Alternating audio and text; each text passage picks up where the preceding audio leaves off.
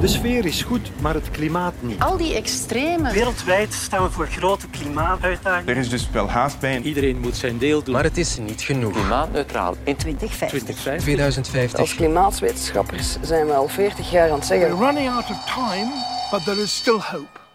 Planeet Frank. Welkom op Planeet Frank, de podcast over weer en klimaat. Ik kreeg weer veel vragen en selecteerde er drie. De natuur staat echt een paar weken achter. Deze rupsen zijn heel klein. En dat heeft te maken met het koude weer. We hebben een hele koud voorjaar gehad en vooral april was zeer koud. Meer en meer horeca-uitbaters sluiten alweer hun terras. En dat heeft alles te maken met... De koude maand april. Afwachten wat de weersvoorspellingen gaan zijn. De voorbije maand april was koud, kouder dan gewoonlijk. Ik had ook een vraagje voor Planeet Frank. Mijn naam is uh, Anne Baptist en ik uh, ben eigenlijk geschiedenisjuf in Genk. Maar dat neemt niet weg dat ik natuurlijk ook wel interesse heb in de wetenschap. Ik had eigenlijk de volgende vraag. Uh, we hebben eigenlijk een heel koude periode achter de rug. Maart, april, mei. Terwijl het op andere plekken in de wereld op dat moment veel warmer was. Nu is dat toeval dat die koude periode net bij ons plaatsvindt. En mogen we dat in de toekomst nog verwachten? Dag Anne, het weer blijft verrassen. De weerkundige lente, dat zijn de maanden maart, april en mei, is een heel erg wispelturig seizoen. Maart sluit soms nog aan bij de winter. In de maand mei kan het al zomeren. Vorig jaar was de lente uitzonderlijk zonnig. De zonnigste lente sinds het begin van de waarnemingen in 1833 en zelfs zonniger dan de grote zomer van 2003. En dan kwam die lente van 2021. Maart 2021 viel nog best mee, maar april en mei waren fris, erg fris. Dat waren we niet meer gewoon. De weerkundige lente van 2021 telde amper zeven lentedagen. Dat zijn dagen met een maximumtemperatuur van 20 graden of meer. In een gemiddelde lente ja, krijgen we toch wel 16 lentedagen. En in 2020 was de lente zelfs goed voor een record van 30 lentedagen.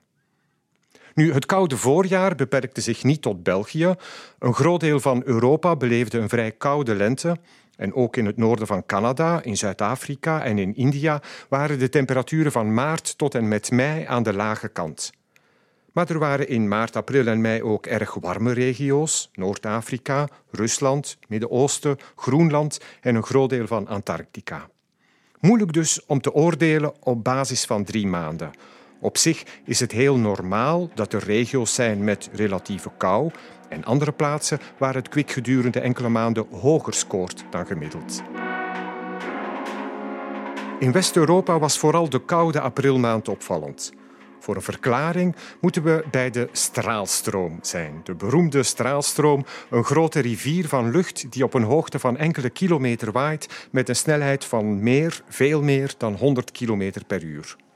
In april was die straalstroom sterk aan het meanderen, aan het golven en hij lag dikwijls ten zuiden van ons land. En dat zorgde voor een kouwelijke noordoostenwind. Het frisse voorjaar was voor sommigen voldoende om te beweren dat de klimaatopwarming voorbij was. Ze stelden zelfs dat ik er altijd als de kippen bij ben om hitterecords te duiden, maar dat ik bij kou zwijg, of erger, dat ik bij kou moet zwijgen. Niets is minder waar natuurlijk. Het koude voorjaar was immers geen record. Absoluut niet. Sinds het begin van de waarnemingen in Ukkel waren er meer dan 90, 90 lentes die kouder waren dan de lente van 2021. We leven in een tijd waarin er veel, veel meer warmterecords dan koude records sneuvelen. En dan valt een relatief koude periode natuurlijk extra op. Gaan we vanaf nu dan meer koude lentes beleven?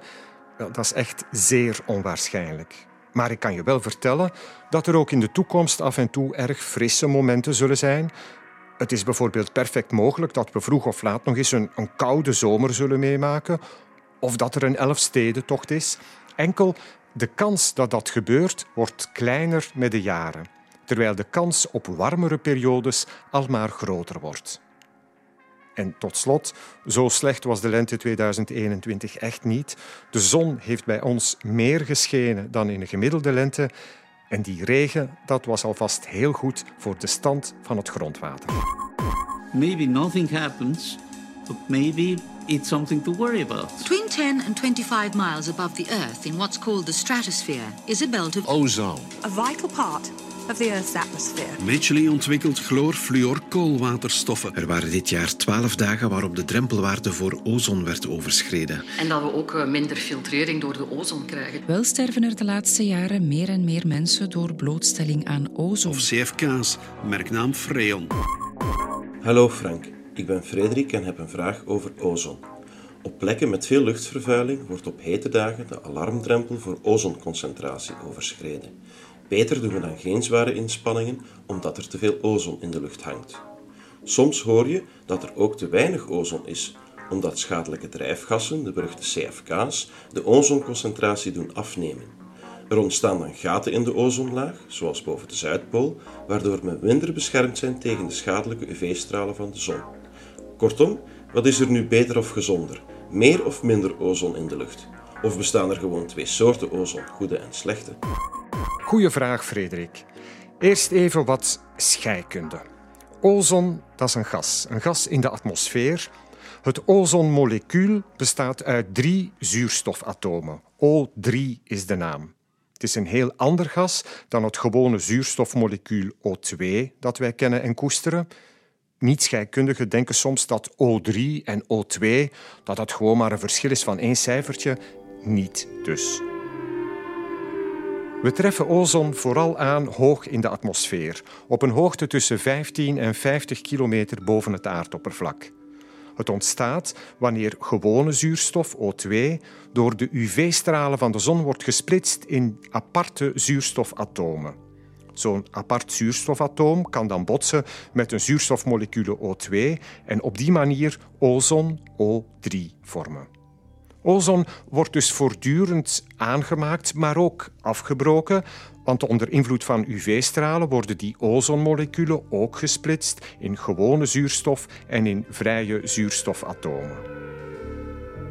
Bij ons is de dikte van de ozonlaag daar hoog in de atmosfeer het grootst in de lente en het kleinst in de herfst. Gemiddeld gesproken is de ozonlaag wat dunner nabij de evenaar, maar er is één uitzondering. Door het gebruik van drijfgassen, CFK's of de chloorfluorkoolstofverbindingen en bepaalde koelvloeistoffen in airconditioningsystemen zijn er veel chloorverbindingen in de atmosfeer terechtgekomen. In combinatie met zonlicht en extreem lage temperaturen breekt dat het ozon snel af. En dat is wat er aan de Zuidpool gebeurt in de maanden september en oktober, het beruchte ozongat. Weinig ozon daarboven in die atmosfeer wil zeggen dat er veel meer UV-stralen van de zon het aardoppervlak ongehinderd kunnen bereiken. En dat is niet goed. Te veel UV-licht veroorzaakt immers huidkanker en tast ons immuunsysteem aan. De ozonlaag daarboven in de stratosfeer moet intact blijven. Vandaar het beroemde protocol van Montreal in 1987, waarbij alle landen er zich toe verbonden om geen schadelijke drijfgassen meer in de atmosfeer te lozen. Tot daar de goede ozon, heel hoog boven onze hoofden. Maar als ozon vlak bij de grond opduikt, is dat geen goed nieuws. Je moet ervan hoesten, je kan minder makkelijk ademen en je ogen raken geïrriteerd. Ozon op lage hoogte ontstaat door een samenwerking tussen zonlicht, zomerwarmte en luchtverontreiniging. De ozonsmog bereikt meestal zijn hoogste concentratie tussen 12 en 20 uur en dikwijls liggen die concentraties op het platteland hoger dan in de steden. De luchtverontreiniging die die ozon veroorzaakt, zal datzelfde ozon immers ook afbreken. Als het ozon ondertussen is afgedreven naar landelijke gebieden, is er daar minder autoverkeer om dat ozon af te breken. En dat is trouwens ook de reden waarom er tijdens weekends met minder autoverkeer dikwijls meer ozonsmog in de lucht aanwezig is. Samengevat dus, er is maar één soort ozon, O3. Dat ozon komt op natuurlijke wijze voor heel hoog in de atmosfeer en het filtert schadelijke UV-stralen. Als datzelfde ozon vlak boven het aardoppervlak ontstaat, tast het onze longen aan en kan je maar beter geen marathon lopen. De cruiseschepen stoten ongezonde gassen uit. Er werd geramd door een vrachtschip en begon te lekken. Bunkerolie is namelijk de hoofdbrandstof voor zeeschepen. De zwaveldioxide die daardoor ontstaat in de schepen, die uh, is een belangrijk probleem voor de gezondheid van de mens. Lage emissiezones kennen we vooral van enkele van onze steden. Maar ook op de Noordzee is er een van kracht. Dus vanaf dat wij door een rookpluim van een schip gaan, dan weten wij onmiddellijk de hoeveelheid uh, stikstofoxide en hoeveelheid zwaveldioxide die in de rookpluim van een vaartuig zit. Dag Frank, ik ben Christophe uit Gent. Allereerst zou ik jou willen bedanken om mijn vraag op te nemen in jouw podcast. Mijn vraag luidt als volgt. Men wijt de luchtvervuiling hoofdzakelijk aan de auto. Wat ik wel begrijp, maar zou men ook niet beter stoppen met het nodeloos transport, zoals onze garnalen naar Marokko vervoeren om te laten ballen, of onze kledij de halve planeet vervoeren om op plaats 1 te maken en op plaats 2 de rits aan te naaien? Het minderen van de zware scheepvaart op zee zou hier een logisch gevolg van kunnen zijn. Dank u wel. Christophe, ik laat me op sleeptouw nemen door professor Christa Sies. Zij doseert aan de faculteit Bedrijfswetenschappen en Economie, Universiteit Antwerpen, en is een internationaal vermaard expert op het gebied van maritieme economie.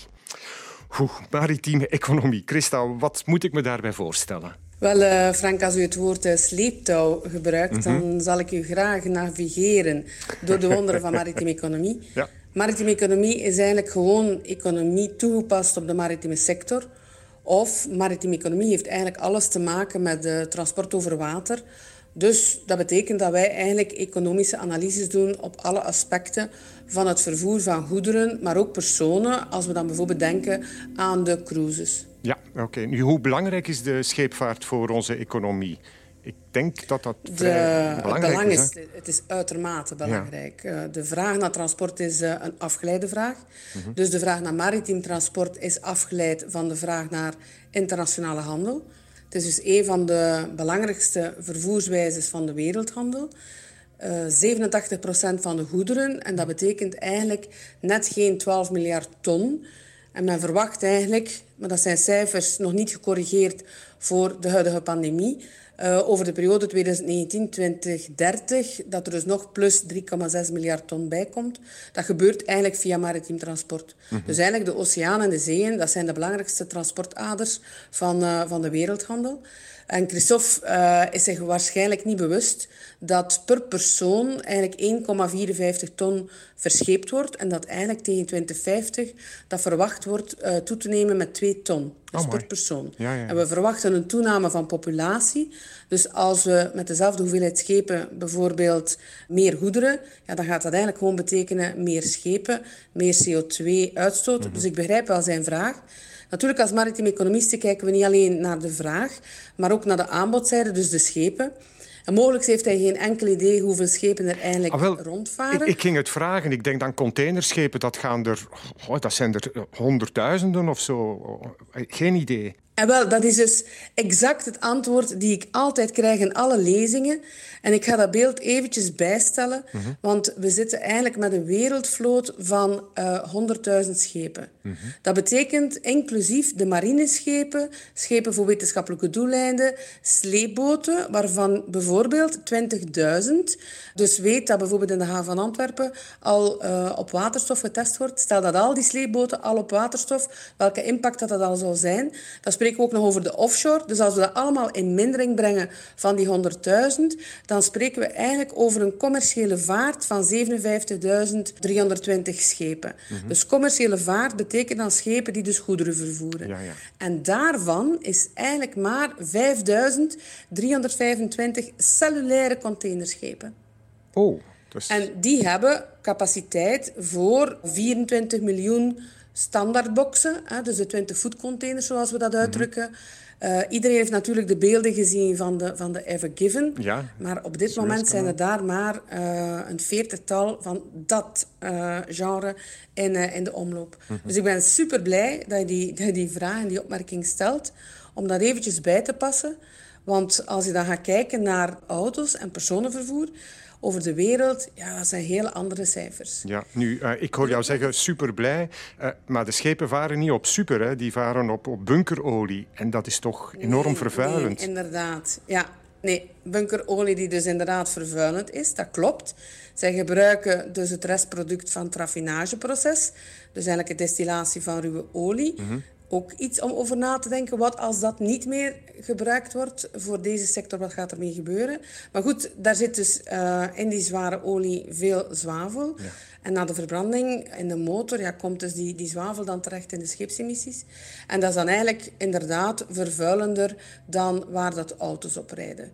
Waarom zat de scheepvaart dan niet vervat in het klimaatakkoord van Parijs? Het klopt dat de luchtvaart eh, en ook dus eh, de scheepvaart niet in dat klimaatakkoord eh, Mhm. vervat waren. Dus dat er dus geen specifieke afspraken waren voor het terugdringen. Terwijl dat eigenlijk de scheepvaart wel voor 2,5 procent wereldwijd verantwoordelijk is.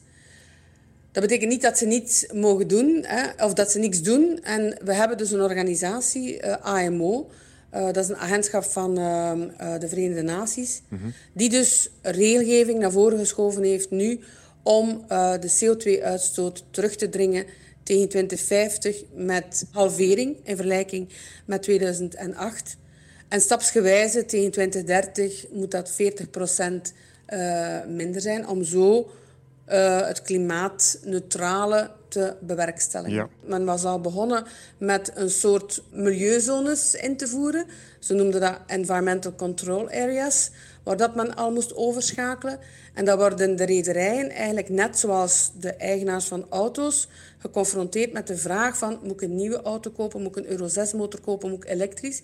Dat zijn diezelfde vragen die dus die rederijen moeten ja, beantwoorden. Eh, ze kunnen op bestaande schepen scrubbers eh, installeren aan boord. Dat zijn eh, installaties die zwavel uit de schoorsteen verwijderen. Vergelijk het met een roetfilter installeren op je Ja. auto. Ze kunnen ook kiezen voor alternatieve brandstof. Eh, laag zwavelen brandstof tanken. En dan spreken wij in scheepvaarttermen termen van bunkeren of LNG. Ja. Nu, er is vorige maand, dus eigenlijk een schitterende timing van, eh, van deze podcast, een studie verschenen van CU Delft eh, in opdracht van de Deense rederijen, die eigenlijk zeggen dat duurzame brandstoffen op dit moment nog niet kostenefficiënt kunnen concurreren met, met fossiele brandstoffen. Dus eigenlijk is er geen enkele rederij die de incentive heeft om daarin te investeren. Maar vanuit maatschappelijk perspectief is dat er dus wel. Dus is er een rol voor de maatschappij. Ja. Nu zijn ze wel bezig. Blijft natuurlijk dan de vraag, moeten die garnalen inderdaad naar Marokko om daar gepeld te worden? Ja, dat is een, eh, een, een veelgebruikt voorbeeld. Ja. Hè. Intussen is dat ook al een klein beetje achterhaald en heeft ook eh, gelukkig, want eh, heeft innovatie ingezet op machines maken. Dus ze hebben dus nu blijkbaar eh, machines. Maar dat was inderdaad niet duurzaam dat er een rit van eh, meer dan 2500 kilometer heen en terug om dus goedkoop garnalen te gaan eh, pellen dan. Dat werd dan ook nog met vrachtwagen gedaan, voornamelijk. Dus niet via, via de scheepvaart. Dat is inderdaad iets Dat dat, je moet kan bediscussiëren. Ja, Dan zitten we eigenlijk in een debat van globalisering. Nu, ook daar, mijn collega's houden indicatoren bij. Dat wil zeggen cijfers dat ze gaan bekijken. En de deglobalisatie was eigenlijk al een aantal jaren aan de gang. Toch wel, Het is dus ja. nu een stuk versneld met de huidige pandemie. Meer en meer de bedrijven die wij horen, die denken aan fabrieken toch wel eh, dichter bij de eindconsument te brengen. 60% van wat dat eh, geconsumeerd wordt, zit hier in, in Noord-Europa nog altijd. En het gaat gediversifieerd worden. Dus er gaat nog altijd globalisatie zijn. Eh, er gaat een stuk eh, regionaal en er zal een stuk eh, lokaal zijn. En dat zal een impact hebben op de maritieme sector. Ze zijn zich daar bewust van. En ze zijn volledig zich daarop aan het vormen. Het gaat nog een stap verder zelfs, als je de energietransitie meeneemt. Maar dus dan naar de goederen, de kolencentrales die sluiten en dergelijke. Zowel ook de binnenvaart is, is heel sterk aan het uitkijken van wat zal vervoerd worden. Ja. Tot slot, ehm, er wordt soms gezegd dat trager varen een oplossing zou kunnen zijn voor milieuproblemen die scheepvaart veroorzaakt. Wat denk jij? Eh, wij hebben onderzoek gedaan in het kader van een Europees eh, programma.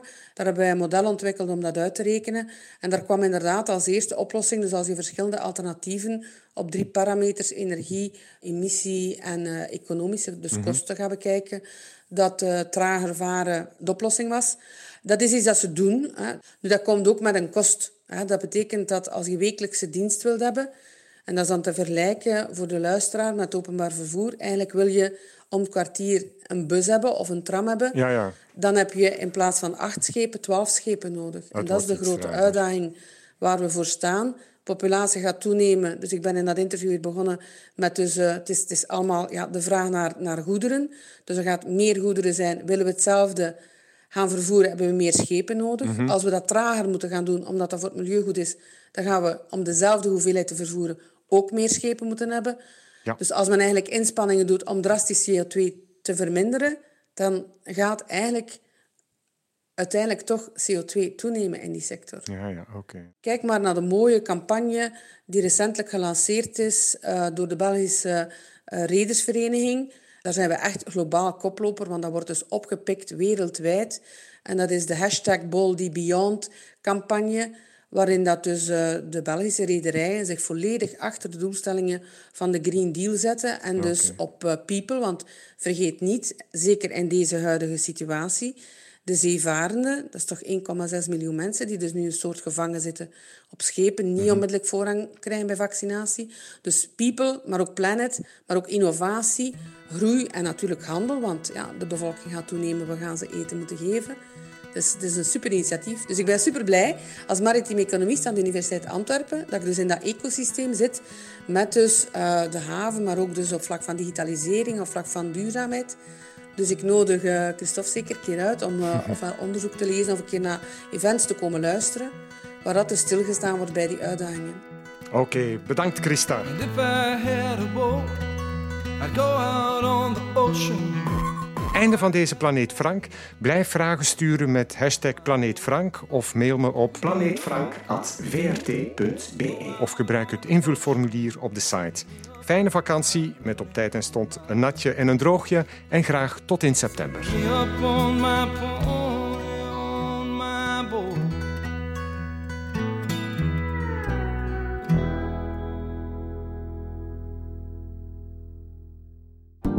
Dit was een podcast van vrtnieuws.be. Meer op de podcastpagina van vrtnieuws.be of via de podcast-app op je smartphone.